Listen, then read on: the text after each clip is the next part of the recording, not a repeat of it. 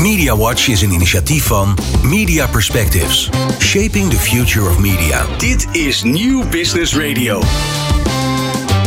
Welkom bij Media Watch, een initiatief van Media Perspectives. In deze radioshow spreken we met gevestigde namen en nieuwkomers over innovaties en trends in de mediasector.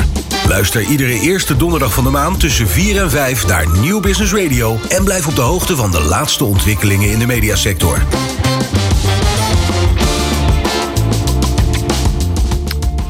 Leuk dat je luistert naar Media Watch, de maandelijkse radioshow en podcast over innovatie en trends in de mediasector. Mijn naam is Bert Kok.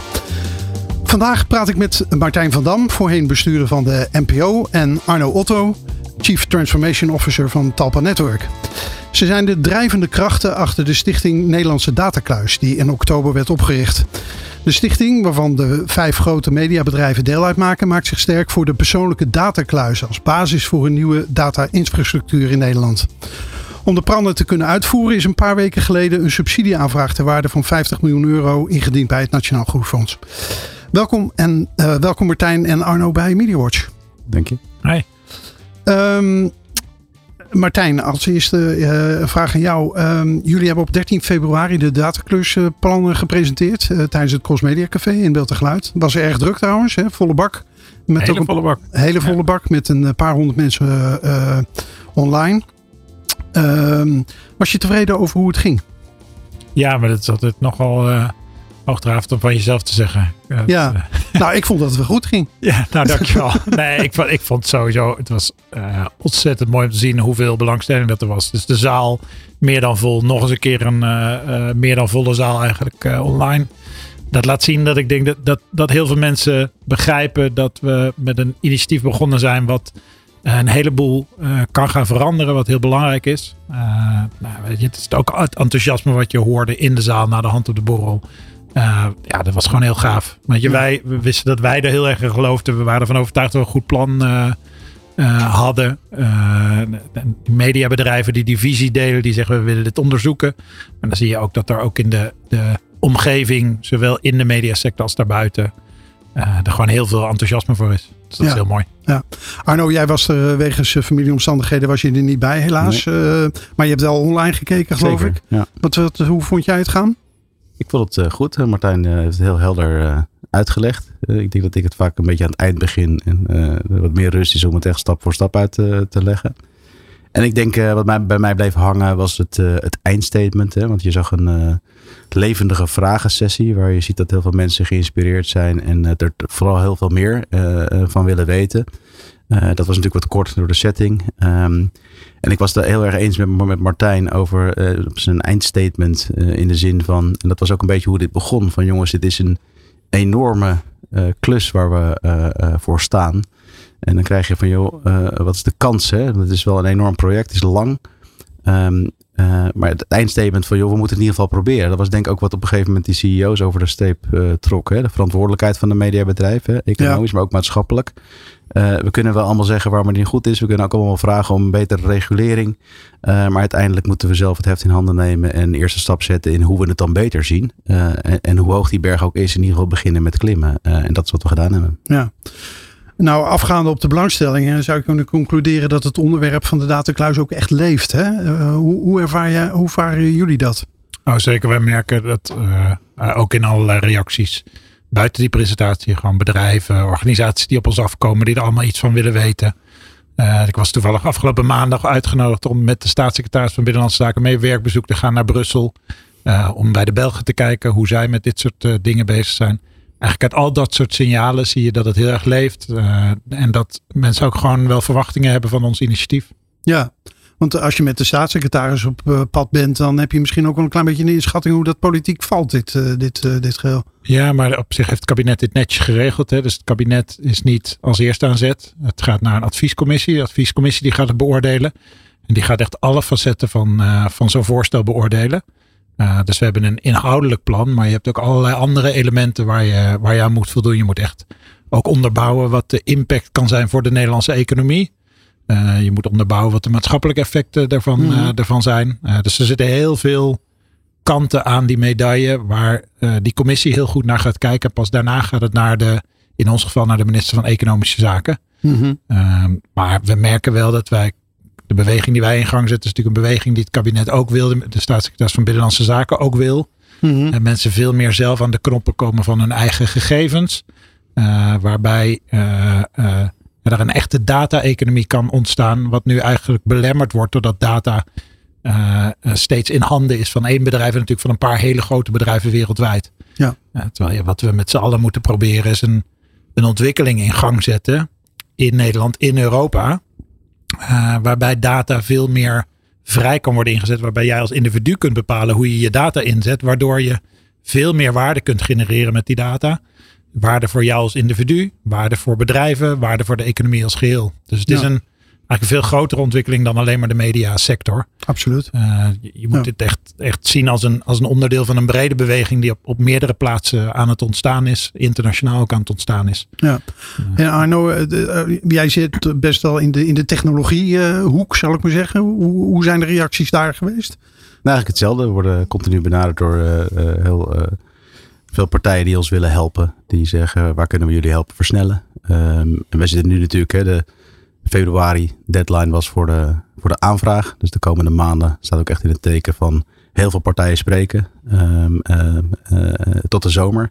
Omdat we dan weten of, het, eh, of, die, wordt, eh, wordt toegewezen of, of niet. Ehm, kijk, en in verlengde van wat Martijn het eigenlijk zei. Kijk, wat wij stellen eh, is eigenlijk, hè, we hebben in het echte leven hebben we wat te maken met de infrastructuur van snelwegen, eh, het wegennet zeg maar eventjes, dat is de Mhm. infrastructuur. Eh, wij zien onszelf als media als grootverbruiker daarvan. Hè. We hebben ja, misschien wel honderden keren, tientallen keren per individu per dag maken we gebruik van, de- van die infra- infrastructuur.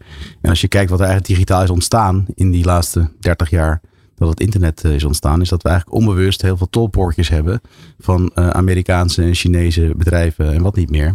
Eh, en eigenlijk wat we vragen is, help ons nou. We zijn een commerciële sector, een, een private sector. Natuurlijk ook publiek, maar ook een aantal commerciële partijen natuurlijk.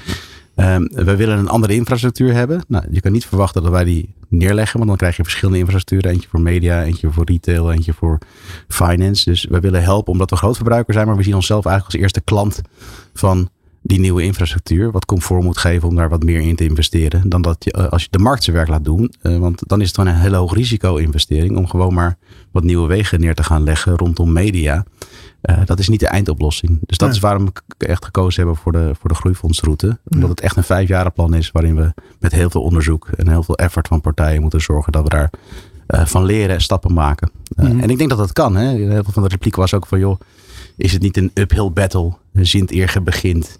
Eh, een beetje een megalomaan plan, heb ik, ook, heb ik ook wel gehoord. En dan denk ik, ja, midden jaren negentig hoorden we datzelfde toen het eh, internet opkwam. Ja, Toen eh, zei iedereen van ja, maar dat, dat internet gaat toch natuurlijk nooit een advertentiemedium worden. Dat gaat natuurlijk nooit televisie.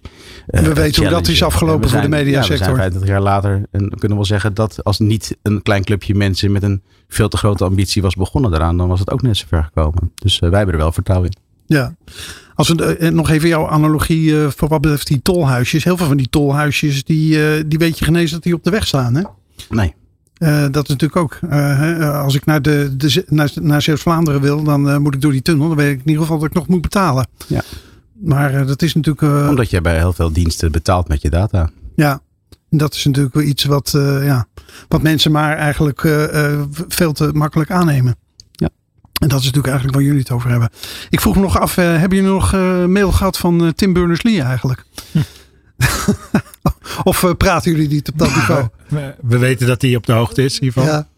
En dat hij het een buitengewoon interessante ontwikkeling vindt. En we staan in contact eigenlijk met zowel zijn bedrijf als met wetenschappers waar hij mee, mee samenwerkt. Ja. Kijk, Tim Berners-Lee, ik ga er even vanuit dat de meeste luisteraars wel weten. Hè, dat is de man die ooit het World Wide Web heeft bedacht. Eh, die ook de afgelopen jaren zegt, ja, er zijn wel een paar weeffouten ingeslopen. Hè. Het is natuurlijk bedacht ooit als een computer-to-computer network. Maar doordat mensen het zo intensief zijn gaan gebruiken, het is zo op een manier opgezet waardoor je overal sporen achterlaat. En waardoor je dus je persoonlijke data kunt verzamelen. En hij heeft een nieuw concept eigenlijk bedacht. Een nieuwe standaard. eh, waarmee je die persoonlijke data eigenlijk kunt opslaan in je eigen omgeving. En tegelijkertijd overal op internet wel kunt inzetten. Eh, dus een nieuwe, eh, eigenlijk een nieuwe internetstandaard. eh, die hij ook aan het proberen is te vast te leggen via de W3C, de standaardenorganisatie. Uh, net zoals eigenlijk de andere open internetstandaarden daar al vast liggen. Ja. Uh, dat zou kunnen leiden tot een uh, eigenlijk veel meer dan een nieuwe infrastructuur, maar een nieuw ecosysteem, een nieuw, nieuw soort internet. waarin je data dus koppelt aan jou als persoon en niet zozeer aan de aanbieder aan de website. En je die data overal mee naartoe kunt nemen. Nou, dat, is, dat is het grotere concept ook, waarvan wij zeggen, ja, dat, dat is eigenlijk de stap die wij hier willen zetten. Je zult zien dat in de komende vijf tot tien jaar ben je afhankelijk van initiatieven zoals dat van ons. Om dat te gaan realiseren. Want iemand moet die eerste stap zetten. Iemand moet de eerste infrastructuur gaan bouwen. Op een gegeven moment gaat dit een standaard worden. Uh, dan wordt dit gewoon hoe het internet werkt. Net zoals het nu merken. Jij weet eigenlijk niet meer zo goed Weet je, via welke webserver jij het, internet op gaat. Of via welke e-mailserver. Of hoe dat allemaal werkt achter de schermen. Hoef je ook niet te weten. Want voor jou als gebruiker werkt het. Nou, daar gaat dit ook naartoe. Um, maar je, hebt, je zit nu in de fase dat je uh, initiatieven nodig hebt die dit gaan neerzetten. Die het gaan bouwen. Uh, en daarmee ben je eigenlijk klaar. Maar dat is iets wat je van Tim Berners-Lee geloof ik niet mag zeggen. Maar je bent klaar voor Web 3. De derde golf uh, van het internet. Waarin data en diensten ook gescheiden zullen gaan worden. Ook gescheiden moeten worden. Uh, omdat als je hè, dat hele concept van een metaverse bijvoorbeeld. Ja, als je van het ene, ene platform naar het andere wil. En dezelfde objecten mee wil nemen. En je persoonlijke data mee wil nemen. En die ook op een ander platform wil kunnen benutten. Ja, dan moet die data niet aan dat platform verbonden zijn. Die moet aan jou verbonden zijn. Nou, dat is eigenlijk waarom wij hiermee ook stappen gaan zetten. Waarmee je klaar bent eigenlijk voor de nieuwe internettoekomst die eraan zit te komen. Ja. MediaWatch is uh, zo weer terug. In Media Watch vertellen pioniers en gevestigde namen uit de mediasector over innovatie, technologie, nieuwe projecten en hun visie op de toekomst. Media Watch is een initiatief van Media Perspectives, Shaping the Future of Media. Welkom terug bij Media Watch. Mijn gasten zijn vandaag Martijn van Dam en Arno Otto van de Stichting Nederlandse Datakluis. Uh, Arno, uh, de datakluis is eigenlijk uh, voortgekomen uit uh, de industrietafel. Hè, het overleg van, van media-CEO's en de gezamenlijke innovatieagenda. Ik heb af en toe de indruk dat dat aspect van de gezamenlijkheid een beetje is ondergesneeuwd. Ook in dit verhaal, als het in de, in de media belicht wordt. Hoe, hoe, kijk jij daar tegenaan? Nou, ik weet niet of dat. Het is natuurlijk een aanleiding geweest. Hè. Dus er is natuurlijk langer gedebatteerd over wat zijn dan de onderwerpen die je samen kan doen. Er zijn natuurlijk drie groepen uitgekomen. Um, Eén is die contentgroep die die CIIIC-aanvraag heeft ingediend. De nieuwsgroep die is nog steeds uh, actief om te kijken wat kunnen we nou pre-competitief samen doen uh, om de wereld een stukje beter te maken. En de datakluis was eigenlijk het initiatief wat eigenlijk met stip, eigenlijk in de eerste uh, meetings, niet zozeer de datakluis, maar de behoefte aan een andere, een andere benadering van de data-infrastructuur was een collectieve behoefte die eigenlijk al veel langer sluimerde. Dus ik ik heb eigenlijk niet het idee dat dat, dat, dat ondergesneeuwd is. Alleen de aanleiding geweest. Eh, daar komen drie groepen uit, waarvan er twee nu uh, uh, eigenlijk de aanvraag hebben ingediend. En de derde groep uh, zijn conclusie nog moet vormen de komende maanden. Um, Alleen ja, het is ook niet de bedoeling dat, dat het aan de voorkant de hele tijd dat we blijven zeggen van joh, de CEO's van de mediabedrijven. Ik denk dat ze heel goed uh, herkend hebben. En dat heeft Media Perspectives ook goed gefaciliteerd. Uh, dat er een bredere verantwoordelijkheid is dan alleen maar naar je marktaandeel te kijken of naar je omzet te kijken. Um, um, uh, en dat er gezamenlijke initiatieven, dat er behoefte aan was en dat we dat voor elkaar gekregen hebben. Um, ik denk dat redelijk zichtbaar is en dat nu de aandacht ook vooral moet naar de inhoud van die, van die uh, wat gaan we dan doen met elkaar. Ja, Martijn, uh, Arno zei net al dat pre-competitieve element. Hè? Waarom is dat nou eigenlijk zo belangrijk? Hè? Want het komt iedere keer voorbij. Niet iedereen begrijpt waarom dat, denk ik, belangrijk is. Nou, je hebt gewoon te maken met vijf partijen die natuurlijk elke dag concurreren om de aandacht van de consument. Uh, of het nou de publieke omroep is, of de commerciële omroep, of de, de uitgevers. Uh, uiteindelijk zitten er maar 24 uur in een dag. En uh, daarvan besteden de meeste mensen een aantal uur aan het consumeren van media. Uh, en die concurrentie is heftig. ik denk dat deze vijf partijen zich in de afgelopen jaren ook steeds meer zijn gaan realiseren dat ze aan de ene kant met elkaar concurreren, maar aan de andere kant ook steeds meer op een internationaal speelveld aan het concurreren zijn. met grote internationale partijen. of het nou een Google en Facebook zijn met YouTube, alle Facebook-platforms.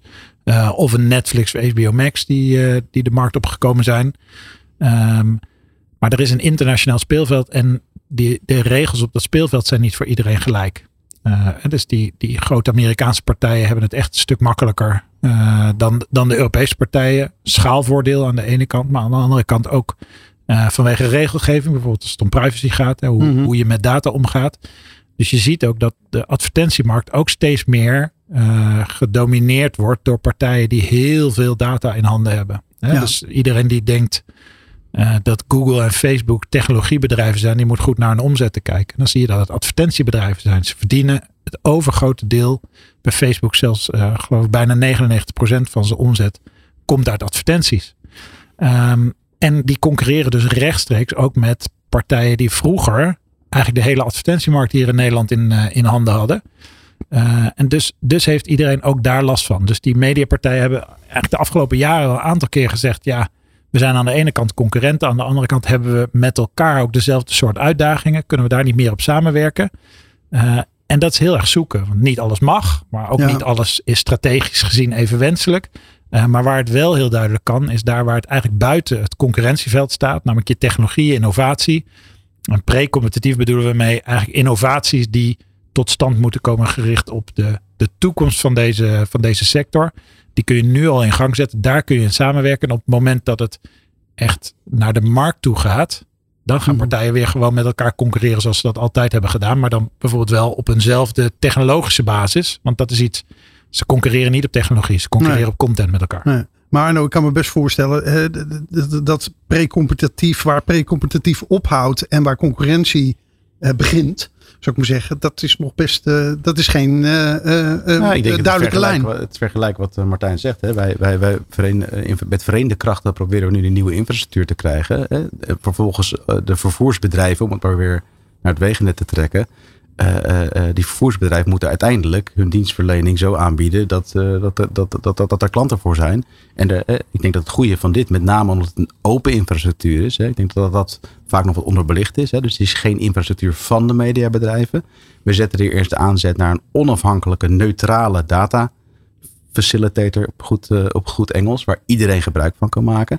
Een van de hele, dus daarmee wordt de toetredingsdrempel ook dat heel laag. Dat data nutsbedrijf. Ja, ja, precies. De toetredingsdrempel wordt heel laag. Want op het moment dat ik morgen er niet, stel dat die infrastructuur er is over vijf jaar, en ik heb een hartstikke goed idee hier straks met jou uh, bij de koffie en zeggen, joh, we hebben zo'n interessante dienst waarin ik uh, uh, iemand, een gebruiker van de datakluis, kan vragen om datapunt A. Omdat ik dan een hele interessante dienst heb. Ja, heb je net zoveel kans op adoptie. Omdat je allemaal de zaken die je nu moet regelen, om dat te doen met een login en allemaal hele ingewikkelde. Die drempel is best wel hoog om op volume business te doen. En als die die uh, infrastructuur er is en die is makkelijk toegankelijk, krijg je eigenlijk uh, uh, een veel openere markt, ook voor nieuwe toetreders. Ja. Martijn, jullie hebben die aanvraag ingediend, hebben het Nationaal Groeifonds voor 50 miljoen euro. Um, wanneer verwachten jullie nu een eerste reactie? En eigenlijk nog een vervolgvraag is ook, nou ja, jij komt uit de politiek, weet denk ik wel redelijk hoe de hazen lopen in Den Haag. En ehm, nou ja, heb je, een, heb je er een gevoel bij ook? welke kant die reactie op gaat. Zeker, want er is voor ongeveer. Er is bekendgemaakt hoeveel er is aangevraagd. Ja. Er is voor ongeveer 2 miljard aanvragen ingediend in hetzelfde spoor als waar wij hebben aangevraagd. En daar wordt ongeveer 1 miljard verdeeld. Dus we hebben ongeveer 50, dus 50 kans. Nou, dat is best een redelijk. Uh, dat is toch al niet slecht. In de staatsloterij heb je kans. Wordt in juli. Maar ja. kijk, weet je wat belangrijk is? En dat is aanvullend op, uh, op Arno. Is kijk, waar worden dit soort voorstellen natuurlijk op beoordeeld? Uh, we zijn een bijdrage aan de economie, daar hebben we het net eigenlijk wel over gehad. Hè. Ook, ook beginnend bij deze sector, er zijn er nog veel meer die gebruik kunnen maken van zijn infrastructuur. Uh, maar er zit natuurlijk ook een hele sterke maatschappelijke kant aan het voorstel wat we hebben ingediend. Want uiteindelijk zeggen we, we willen individuen weer aan zet brengen. Waar je eigenlijk de, de, de afgelopen jaren heb je heel veel gratis producten gekregen. Dan wist je, jij bent het product. Arno zei het al, je betaalt met je data. En, en wat we echt beogen natuurlijk is een kanteling van het model. Waarbij jij weer centraal komt te staan. Jij aan de knoppen komt te zitten. Je hebt zelf controle over wat er met jouw gegevens gebeurt. Uh, en dat is essentieel. En dat is waarom we ook spreken over die data nutsvoorziening. Zeggen, kijk, data nuts betekent naar twee kanten toe een nutsvoorziening. Namelijk één, naar individuen toe. Uh, je zegt het is echt weer van jou. Jij krijgt de regie weer terug over je eigen data. Je kunt zelf beslissen waar je hem inzet. En tegelijkertijd aan de andere kant, het is een open voorziening waar ook allerlei bedrijven, maatschappelijke organisaties, verschillende sectoren van gebruik kunnen gaan maken. Dus een algemene voorziening eigenlijk ten behoeve van de, van de samenleving om te zorgen dat we eigenlijk een ander soort internet krijgen. Internet op een andere manier gaat werken, waar je van twee kanten uh, profijt van, uh, van kunt gaan hebben. Uh, nou, dat is ook waarom we zeiden, dat, dat, dat, past heel erg bij de doelstelling van het groeifonds. dus daarom denken we dat we, we denken dat we echt wel een goed plan hebben ingediend, wat ook heel goed matcht bij mm -hmm. de criteria waar het op beoordeeld zou worden. Maar voor ons is het natuurlijk uiteindelijk is dat een, een middel om het te kunnen realiseren. Um, uh, en we gaan ook echt wel kijken, zijn er eventueel ook andere wegen, mocht dit niet, niet lukken, is wel moeilijker. Maar het belangrijkste is eigenlijk die kanteling die we tot stand willen brengen. Gewoon wij, gewoon als gewone gebruikers van het internet, weer in de regie over onze eigen gegevens. En niet dat er ergens achter de schermen allerlei gegevens over jou, jou bestaan. Je eigenlijk niet goed weet wat ze zijn. Ze aan elkaar geknoopt worden door allerlei partijen. Ze gebruikt worden, verhandeld worden, et cetera, et cetera. Dat wat je niet wil. Dat is wat we echt willen veranderen. En dat ja. is waar, uh, waar, waar, ons verhaal over gaat. Mm -hmm. Arno, uh, nu, nu, is er in de media zeker, best een zekere terughoudendheid hè, als het gaat over subsidies. Uh, nou, voor, onder andere vanwege de gevoeligheid die daar is. Dat, de, dat je op de een of andere manier afhankelijk bent van de overheid uh, als het gaat om het produceren van content. waarom is de steun van de overheid nou zo belangrijk voor dit pro project? Nou, omdat het, kijk, zeker commerciële bedrijven, en vier van de vijf zijn, zijn gewoon commerciële bedrijven. Dat, daar is geen natuurlijke, zeker voor media, geen natuurlijke weg om subsidie aan, aan, aan te vragen. Maar kijk je naar wat we doen, het is echt research and development. Uh, en kijk je bijvoorbeeld naar een bedrijf als ASML, wat echt niet een ja, noodlijdend bedrijf is, zullen we maar zeggen. Die, die, die, die zijn erop geëquipeerd, omdat het zo onzeker is. Je probeert een technologie te maken waar hele diepe investeringen in gaan, waar het, waar het echt nog afhankelijk is van de eerste twee, drie jaar. Of dat ooit tot iets gaat komen waar je, wat je vervolgens prima, uh, prima zelf kan voortzetten. En dat is ook waarom we hebben gezegd uh, dat het een, uh, een neutrale nutsvoorziening moet zijn. Die is dus ook niet van de bedrijven. En een hoop van de kritiek, en die snap ik wel. Want als je het gewoon snel leest, dan denk je, oh, dat zal wel een nieuwe vorm zijn om een soort advertentienetwerkje te maken. Uh, waar een nieuwe uh, muur om Nederland staat. En dan hebben we weer een nieuwe gatekeeper. Ik denk, ik, ik denk dat dat in andere landen zie je dat wel. Alleen dan, ik heb ook een aantal mensen op LinkedIn uitgenodigd om het plan beter te lezen. Dat kan nog niet, want we hebben nog niet gepubliceerd. Dat gaan we ergens volgende week nog doen. Dus iets meer detail dan alleen maar de presentatie in de kick-off in beeld en geluid vorige week. Um, omdat je dan ziet dat het echt een andere ja, fundament heeft. wat we hier proberen te doen. En ja, voor commerciële bedrijven om te investeren in iets wat uiteindelijk niet van ons is, waar geen aandeelhouderswaarde in zit. Wat een enorm maatschappelijk uh, patroon is, wat een enorme investering is die misschien pas over vijf jaar een speelveld geeft waarin je weer je normale business kan gaan doen. De, ja, je, kan, je kan die vijf aandeelhouders bellen en zeggen, vind je dat een goed idee? Maar dan, dan denk dat ik het antwoord weet. Dat is te risicovol en daar zijn vanuit economische zaken daarom dat soort budgetten om te zorgen dat je niet om commerciële redenen een bepaalde ontwikkeling niet financiert. Daar zijn die subsidies voor. Ja. Blijf luisteren, we zijn zo weer terug met Media Watch. Dit is Media Watch met Bert Kok op Nieuw Business Radio. Je luistert inderdaad naar Media Watch. Mijn gasten zijn nog steeds Martijn van Dam en Arno Otto van de Stichting Nederlandse Datakluis. Uh, Arno en Martijn, uh, ja, Nederland zou Nederland niet zijn als er ook niet uh, veel kritiek zou zijn op het, uh, op het plan. zo zag ik een bericht op LinkedIn van Victor Knaap van Mediamonks, waarin hij zich erg kritisch uitlaten. Arno, Jij reageerde vervolgens op, op Victor dat je dat plan nog eens goed wilde uitleggen. Uh, wat wil je hem dan eigenlijk gaan vertellen? Nou, hij reageerde op een artikel volgens mij. Uh, In de e-merse. Die, die, die, redelijk kort was. Mediabedrijf, advertentiemarkt. En uh, zoals we net al volgens mij veelvuldig hebben gezegd. Is het plan veel, veel breder, veel dieper uh, dan dat. Um, uh, ik moet even goed die reactie. Het ging er met name over, hè, en, dat, en, daar ben ik het ook vaak met hem eens, uh, overigens, uh, is dat er de overheid niet een goede track record heeft als het gaat om. Nou, hij zei inderdaad van we, hebben, we, hebben, we hebben geen goede track record. En het andere is, waarom zouden die grote mediabedrijven überhaupt ja, hij deed voor alsof het een overheidsinitiatief ja. was. Hè? Dus een, een, subsidie is dus een overheidsproject en dus. is de slagingskans klein? Nou, dit is pertinent juist tegenovergestelde. We hebben in Nederland juist de koers gekozen.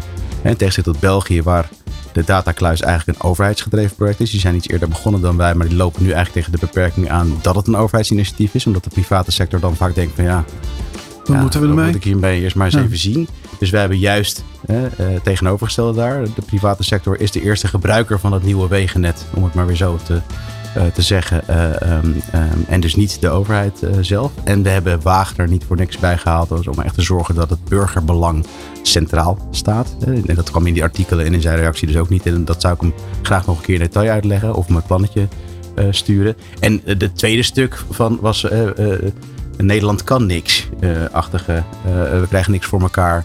Eh, en dat ben ik gewoon pertinent met hem, met hem oneens. Ik denk dat Nederland eh, een enorm innovatieland is. Sterker nog, kijk naar Media Monks. Het is niet voor niks dat een Nederlands creatief bureau de wereld overgaat. Omdat we juist wel dat innovatieve... Hij disqualificeert een beetje zichzelf. Ja, vind ik, vind, ik, vind ik indirect wel. En kijk je naar de begindagen van het internet. Hè. Ik zat zelf toen bij een bedrijf wat DoubleClick heette. Dat is nu Google. En daar hebben we paid search uitgevonden. eh, voordat Google bestond. De, eh, de eerste testmarkten waren altijd in Nederland. De eerste optimalisatiealgoritmes zijn in het laagland ontwikkeld en getest. En in Amerika geschaald. Dus ik ben het daar fundamenteel mee oneens. Ja, ja. Ehm, eh, Martijn, eh, sommige critici die zeggen ook dat we eigenlijk geen geweldig track record hebben in Europa om dit soort grote digitale projecten van de grond te krijgen. Dat was een punt wat Peter Olshoorn onder andere maakte volgens mij tijdens het Cosmedia Café. Wat eh, hebben die mensen eigenlijk een punt? Nou, als je kijkt naar de huidige, de, hoe, hoe de, de huidige digitale markt eruit ziet, dan wordt die gedomineerd door Amerikaanse en Chinese partijen. Dat is één, één heel sterk Europees initiatief, is Spotify, wat daar nog een rol in speelt. Dus in die zin hebben mensen een punt. Eh, dat tot nu toe Europa er niet goed in slaagt om een, een, een echt stevige positie in die interneteconomie in te nemen. Eh, Mhm. Wat niet betekent dat we het niet kunnen, want er wonen hier ook een paar honderd miljoen mensen die echt heel veel kunnen, wat we in de geschiedenis hebben bewezen. Ehm, eh, maar het heeft ook iets te maken met mindset. En je Mhm. zei net, dat wel relativeren, je zei Nederland zou Nederland niet zijn als er niet veel kritiek is. Er is niet veel kritiek. Nee, oké. Weet je, we hebben Dat- vooral, we, moeten vooral heel veel enthousiasme. En er zijn altijd mensen, en dat is, dat is ook een beetje de, de sociale mediacultuur die is ontstaan, die ergens een berichtje lezen en op basis van dat berichtje een reactie geven. Dat, ik reken dat nooit tot, tot kritiek. Kritiek heb je als je een plan kent en je erin verdiept hebt en dan er iets van vindt. Eh, en dan is kritiek eigenlijk heel erg welkom bij ons. Omdat je moet je realiseren, ik denk de, een van de belangrijkste redenen ook waarom bijvoorbeeld in de VS allerlei ontwikkelingen wel heel snel tot stand komen, bij ons niet, eh, is een cultuurverschil. Hè, dus eh, ik ben ook wel bij, bij start-up pitches geweest in de VS, waarvan ik dacht, nou, ik weet niet of ik hier mijn geld in zou steken. En, en ze werden echt met miljoenen gefinancierd. Niet omdat ze vooraf alles helemaal eh, doorgeakkerd hadden en dachten, ja, dit, dit gaat wel een succes worden en dat niet. Omdat ze eh, accepteerden dat ze het niet goed konden voorspellen. Eh, omdat die financiers daar zeggen, ik neem dus risico en ik investeer in tien projecten waarvan ik eigenlijk niet weet of ze succesvol worden, maar ik heb er vertrouwen in dat er waarschijnlijk eentje het wel wordt. Mhm.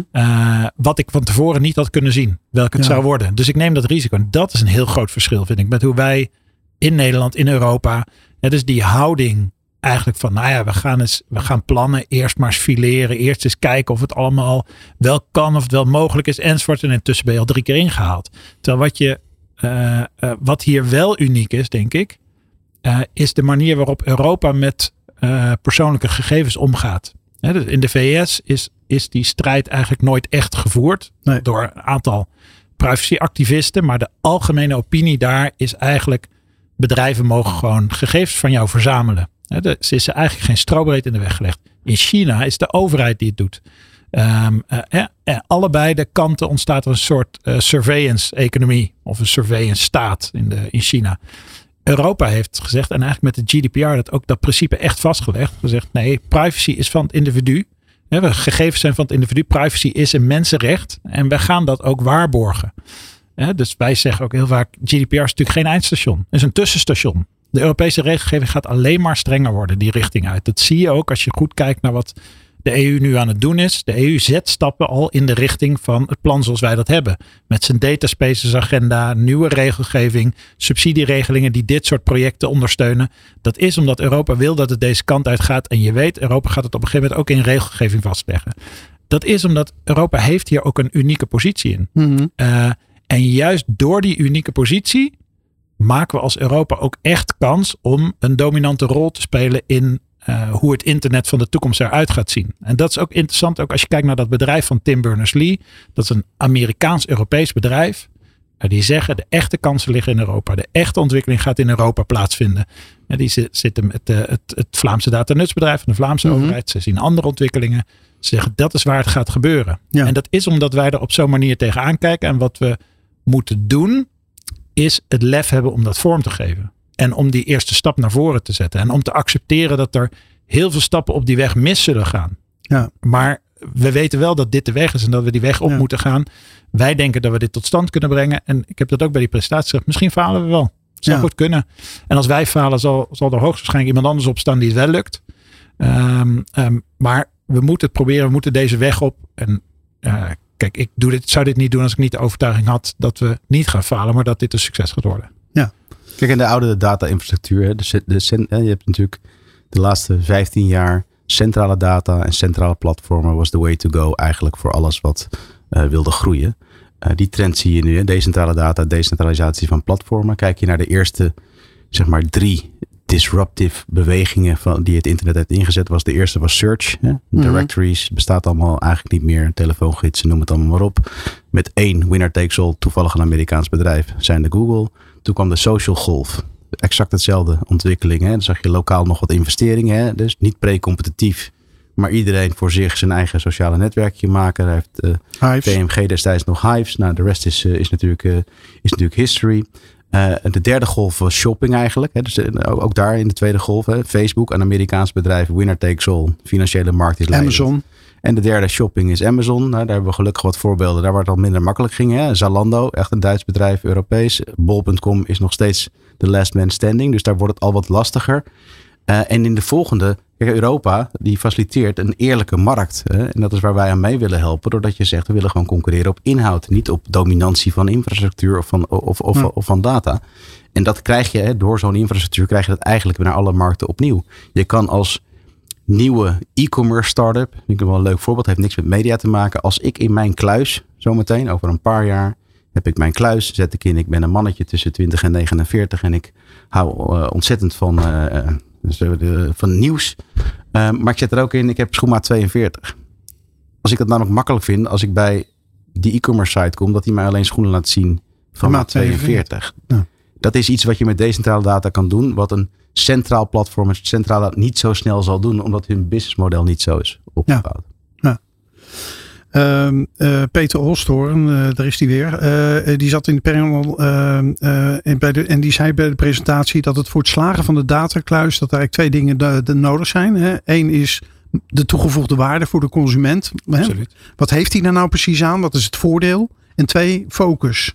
Uh, uh, nou, volgens mij met dat laatste uh, zit dat wel redelijk goed. Maar hoe zit het met. ik geloof ook dat die voordelen er zeker zijn. Maar het gaat natuurlijk ook om: kan je dat heel goed duidelijk maken aan de gemiddelde consument? Wij zijn geen gemiddelde consument. Maar hoe zit dat? Ja, ik vond sowieso, ik vind Peter in veel opzichten geweldig. Ook als journalist volg ik hem al sinds begin, sinds de begintijd van het internet. Maar hij heeft ook echt een doorvrochte studie gedaan eigenlijk naar dit soort initiatieven. Hè? Dus ja. waarom, waar, waar Hij gaat het goed? gepromoveerd waar, zelfs volgens zeker. Ja, ja. ja, waar gaat het goed en waar, waar faalt het? Dus dit zijn uh, hele belangrijke tips die hij die, uh, die die heeft. Die ook wel matchen met hoe wij er tegenaan kijken. Dus focus zeg je terecht. Hè? Je zegt nou dat zit wel goed. het is best, dat is best een uitdaging. Want je ziet heel snel allerlei mogelijkheden langskomen. Er zijn zoveel mogelijkheden met zo'n datakluisinfrastructuur die je nu niet kunt. Omdat je inderdaad data van allerlei verschillende partijen met elkaar kunt gaan combineren. En je krijgt een heel, rijk pakket aan data. Wat jij als individuele gebruiker weer kunt benutten om betere diensten te krijgen, betere aanbiedingen te krijgen, et cetera, et cetera. Uh, nou, dus daar zit dat is eigenlijk jouw tweede punt. Dus het eerste is, we hebben dus bewust gekozen, laten we focussen op, laten we eerst die waarde bewijzen, zowel voor gebruikers als voor bedrijven. Uh, te beginnen in de mediasector, omdat de mediasector natuurlijk zoveel gebruiksmomenten heeft. Ik geloof 54% van de Nederlanders kijkt elke dag op een nieuwswebsite. Mm -hmm. uh, dus nou, dan zie je hoe vaak je met, met, met die gebruikers in contact staat. Als je met een andere sector begint, is dat factoren minder. Dus ja. je hebt hier een kans om heel snel... Contactmomenten zijn heel groot. Precies, je hebt een kans dus ook om heel snel uh, uh, een, een, een nieuwe toepassing te introduceren. Uh, dan is twee is waarom zouden gebruikers het gaan gebruiken? Nou, dan zien we eigenlijk dat eigenlijk meerdere onderzoeken. Dus de afgelopen tijd is ook via de VIA is er een onderzoek gedaan. Daar komt heel nadrukkelijk in naar voren dat mensen zeggen: eigenlijk vertrouw ik het niet zoals het nu gaat. Um, maar het is ook wel ingewikkeld om er tegen te verzetten. Hè? Cookie walls wegklikken. Ja, ik ben een van die mensen die dat dan doet. Maar je moet er echt wel moeite voor doen. En de meeste mensen willen geen moeite. Dus wat zeggen mensen ook heel vaak in, in, in heel veel van die onderzoeken. Ja, als het voor mij makkelijker wordt. Als het iets makkelijks is om te gebruiken. Dan ben ik geïnteresseerd. Want ik ben hier eigenlijk heel erg voor. Maar het moet vooral moet het niet moeilijker maken. Ik moet niet allerlei gedoe op de hals halen. Dus dat wordt voor ons natuurlijk heel belangrijk om in de gaten te houden. Dus daarom staat ook dat perspectief van die gebruiker gaat voor ons centraal staan in dit hele project. Hoe kun je nou een dienst neerzetten die de gebruiker graag wil gebruiken? Kijk, er zijn een paar hele eenvoudige voorbeelden. Hè? Je hoeft niet overal in te loggen, want het wordt één centrale login. Je hoeft nergens met cookie walls weg te klikken, want je consent wordt geregeld via de datakluis. Dus je, je hoeft niet meer door al die kliks heen. Je kunt personalisatie krijgen over sites heen. Dus je gaat er echt voordeel van, uh, van beleven. Uh, maar uiteindelijk is het natuurlijk ook gewoon een kwestie van gebruiksgemak. Is dit een makkelijke app? Levert het me echt toegevoegde waarde op? Nou, dat wordt voor ons natuurlijk een heel centraal punt in het hele, het hele ontwerp en het hele onderzoek wat we, uh, wat we gaan doen. Um, nou, dat was terugkomende wat je, wat je straks vroeg. Daar zit de relatie tussen de, de ene kant van dit plan, het ontwerpen van zo'n data-nutsvoorziening met al die al, die, al die elementen zeg maar voor gebruikers. En aan de andere kant met die mediabedrijven de toepassing onderzoeken. En dus ook de meerwaarde ook voor gebruikers onderzoeken. Mhm. En kijken of je zowel voor gebruikers als voor bedrijven waarde kunt genereren. Omdat we ons heel goed realiseren, dit gaat er alleen maar komen als allebei zien dat dit meerwaarde heeft ten opzichte van de huidige situatie. Ja, Media Watch is terug na deze break. In Media Watch op Nieuw Business Radio vertellen pioniers en gevestigde namen uit de mediasector over innovatie, technologie, nieuwe projecten en hun visie op de toekomst. Media Watch is een initiatief van Media Perspectives, Shaping the Future of Media. Ook te beluisteren als podcast.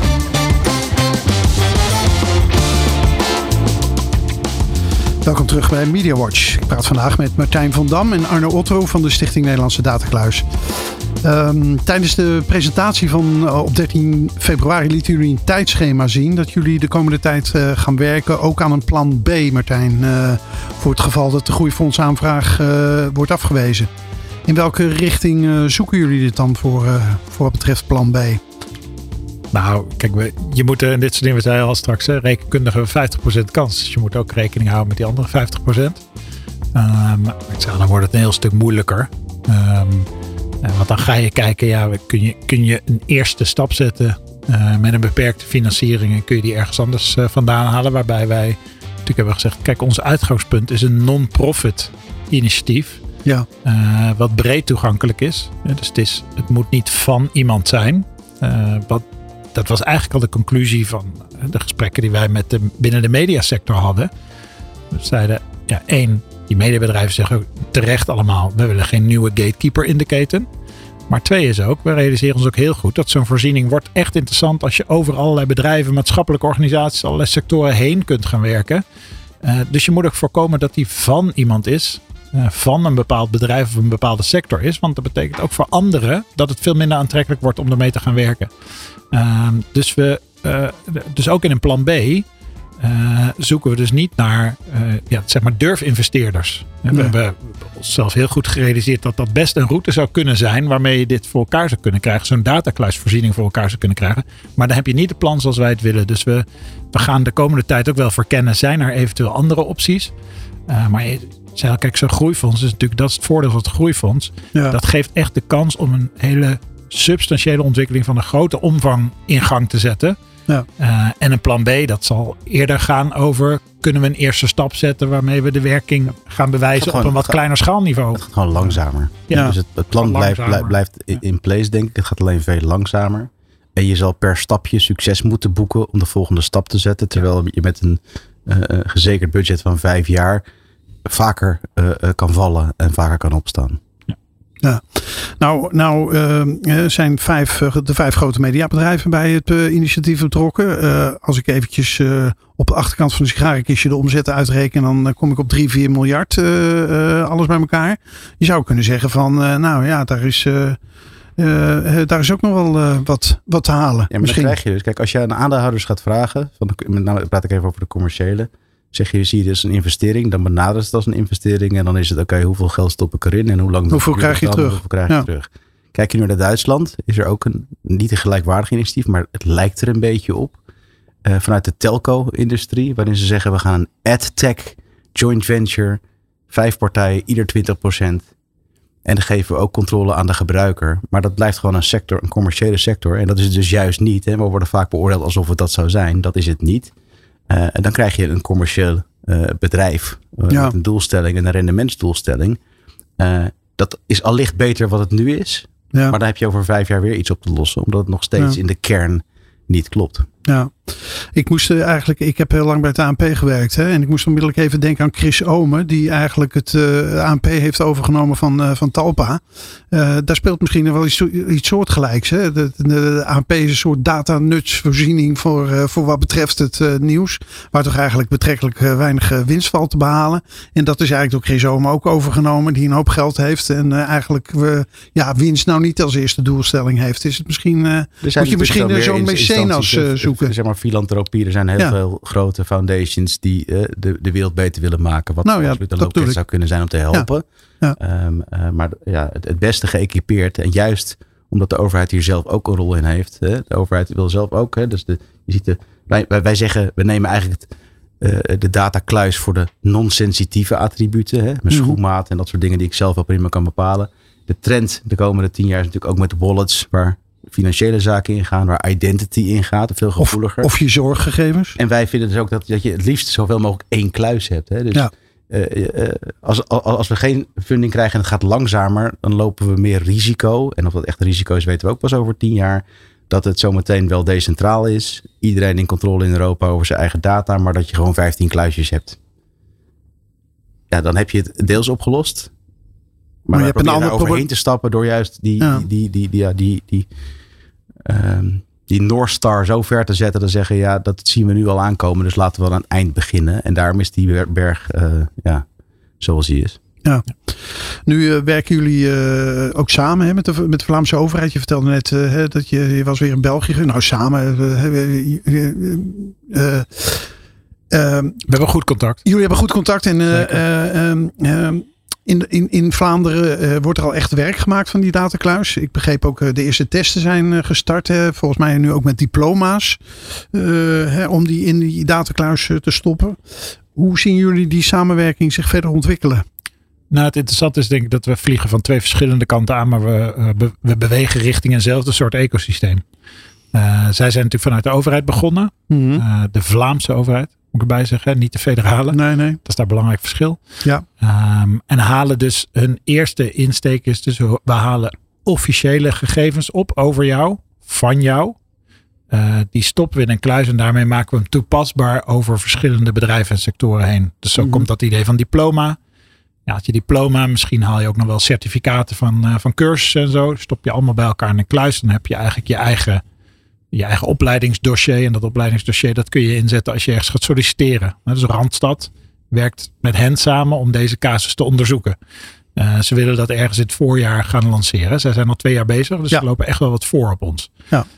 Um, voor ons ook weer handig, kunnen we een hoop van leren.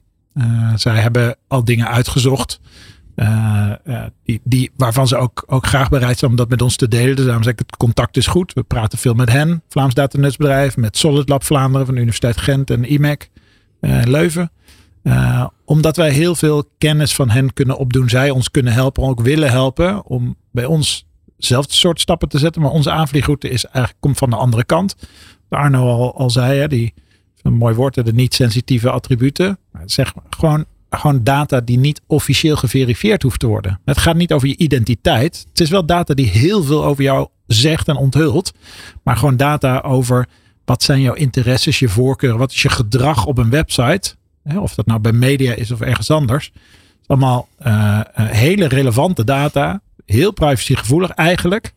Maar het is iets anders dan een identiteitsgegeven. Ja. Uh, dus wij beginnen eigenlijk aan die gebruiksdatakant. Uh, vanuit ge gewone toepassingen voor gebruikers. En wij gaan kijken hoe kunnen we later officiële bronnen met geverifieerde data daaraan koppelen. Zodat het kan gaan samenwerken in één ecosysteem. Uh, maar onze aanvliegroute is dus precies andersom. Dus als je deze twee bij elkaar brengt, het Vlaams initiatief en ons initiatief, dan heb je waarschijnlijk bij elkaar het ecosysteem zoals het in de toekomst moet gaan worden. Mm -hmm. Daarmee zijn dit twee, denk ik, als je dit bij elkaar optelt, heb je een ongelooflijk interessante uh, Ze zijn eigenlijk testcase eigenlijk vanuit de twee lage landen. Ze zijn heel Zeker. erg complementair. Ja. ja, ja. Uh, nou, nu zijn jullie allebei behoorlijk gepassioneerd hè, als het gaat over de datacloud. Ik merk het nu ook uh, eigenlijk weer. Arno, jij bent er al, al, al jaren mee bezig volgens mij. Uh, en, en, en Martijn, jij hebt je baan voor opgegeven bij, uh, bij de NPO. Waar komt die passie nou echt vandaan? Ja, ja um, kijk, het eerste deel van mijn, van mijn professionele loopbaan heb ik natuurlijk voor, of natuurlijk, heb ik uitsluitend voor internetbedrijven gewerkt. Um, voordat ik heel bewust de keuze maakte om naar traditionele media te gaan. Om, uh, uh, ja, om, om, te zeggen wake up en smell the coffee. Um, en uh, ik heb het ook in die zin zien misgaan. Hè? Dus ik voel, ja, het klinkt misschien te ver om te zeggen dat ik het wil goed maken. Maar de eerste... Je bent de aanstichter voor een deel. Van het probleem, toch? Nou ja, dat wat ik zei, de eerste zoekwoorden op Alta Vista, dat was, dat was absoluut goed bedoeld. Want dat zou voor de gebruiker uh, zou dat goed zijn, zou voor iedereen goed zijn. Uh, de eerste retargeting campagnes, dat geef ik vaak als voorbeeld, die waren voor Dell en Amazon in Amerika, omdat we uh, vonden dat als jij al een computer had gekocht, dat het heel irritant zou zijn als je nog twintig computerbanners zou krijgen en dat je dan beter een printer kon krijgen. Heel erg CRM gedreven. Um, Niemand had toen door dat er een third-party markt zou ontstaan, waardoor die privacy en waardoor we die regulering zo strikt hebben moeten, uh, moeten geven. Maar in eerste instantie was dat, was dat, was dat goed bedoeld. Zeg maar. De financiële markten hebben het een beetje uit zijn proporties getrokken. Um, dus ja, hè, toen de, in Nederland was dan de Key Foundation, Marcel van Galen, die er als eerste mee bezig ging. Dus wij hebben destijds, zat ik nog bij RTL, hebben we ook aan tafel met de telco sector, met de, met de banken gezegd, hè, dit, dit, dit, dit moet. De visie was niet heel anders, denk ik. Um, alleen de eerste en de tweede stap was totaal nog niet mogelijk. Um, uh, dus, dus ja, de, de, passie komt vanuit het feit dat het, het klopt gewoon fundamenteel niet. En er zijn inmiddels oplossingen. Um, en, en, mm. en, en dus ja, uh, ik wil dat mijn kinderen opgroeien met een datakluis. Ja. Dus daar zal ik me ontzettend hard voor blijven maken. Ja. Martijn, uh, heel kort nog eventjes. Ja, voor mij, voor mij spelen eigenlijk twee dingen. Dus één, is, ik ben ik net als Arno opgegroeid eigenlijk uh, als, een, als een digitale jongen. Maar ik kwam in de politiek terecht. Uh, digitaal uh, vertelde het verhaal, vind ik altijd wel mooi. Dat toen ik in 1996 ging studeren aan de Universiteit in Eindhoven, kreeg ik een e-mailadres. Dat was revolutionair al. Dat hadden nog, toen nog niet zo heel veel mensen. En dat draaide op een MS-DOS toepassing. Zes jaar later ben ik afgestudeerd op de inrichting van internetwinkels in een 3D virtuele omgeving. Dat was mijn achtergrond. Um, maar ik ik kwam in de politiek, was ook altijd heel idealistisch. En de kern van het idealisme was eigenlijk zelfbeschikkingsrecht. Ik vind dat je zelf moet kunnen beslissen over mm. eigenlijk je eigen leven in alle facetten. En, en, je moet, de overheid is er om mensen daarin eigenlijk ook te faciliteren. Dat was ook de rode draad in mijn politieke uh, carrière.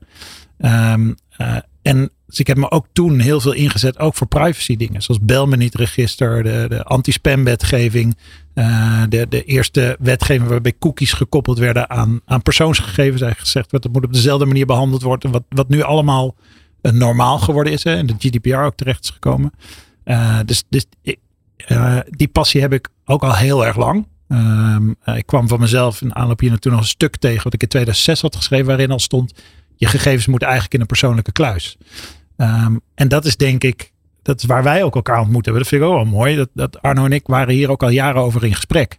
Uh, dus in het, toen Arno bij Talpa ging werken, we kenden elkaar al, maar toen uh, even koffie drinken, verder kennis maken. En meteen dat gesprek ging hierover. Mm. Dat we allebei zeiden, we vinden dat het anders moet. We denken ook dat het anders kan.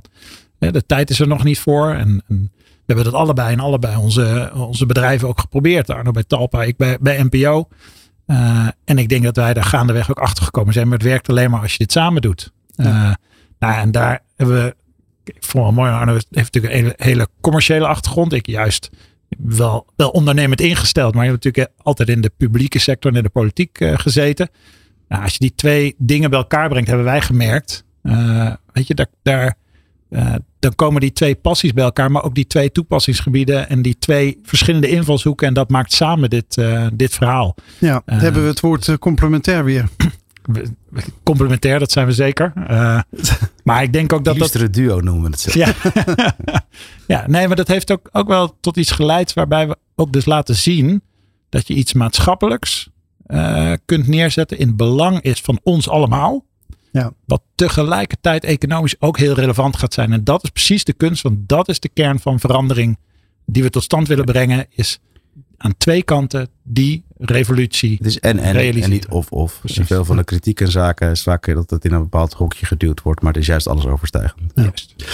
Oké, we zijn aan het eind gekomen van deze aflevering van Media Watch. Mijn gasten waren Martijn van Dam en Arno Otto van de Stichting Nederlandse Datacluis. Beide bedankt.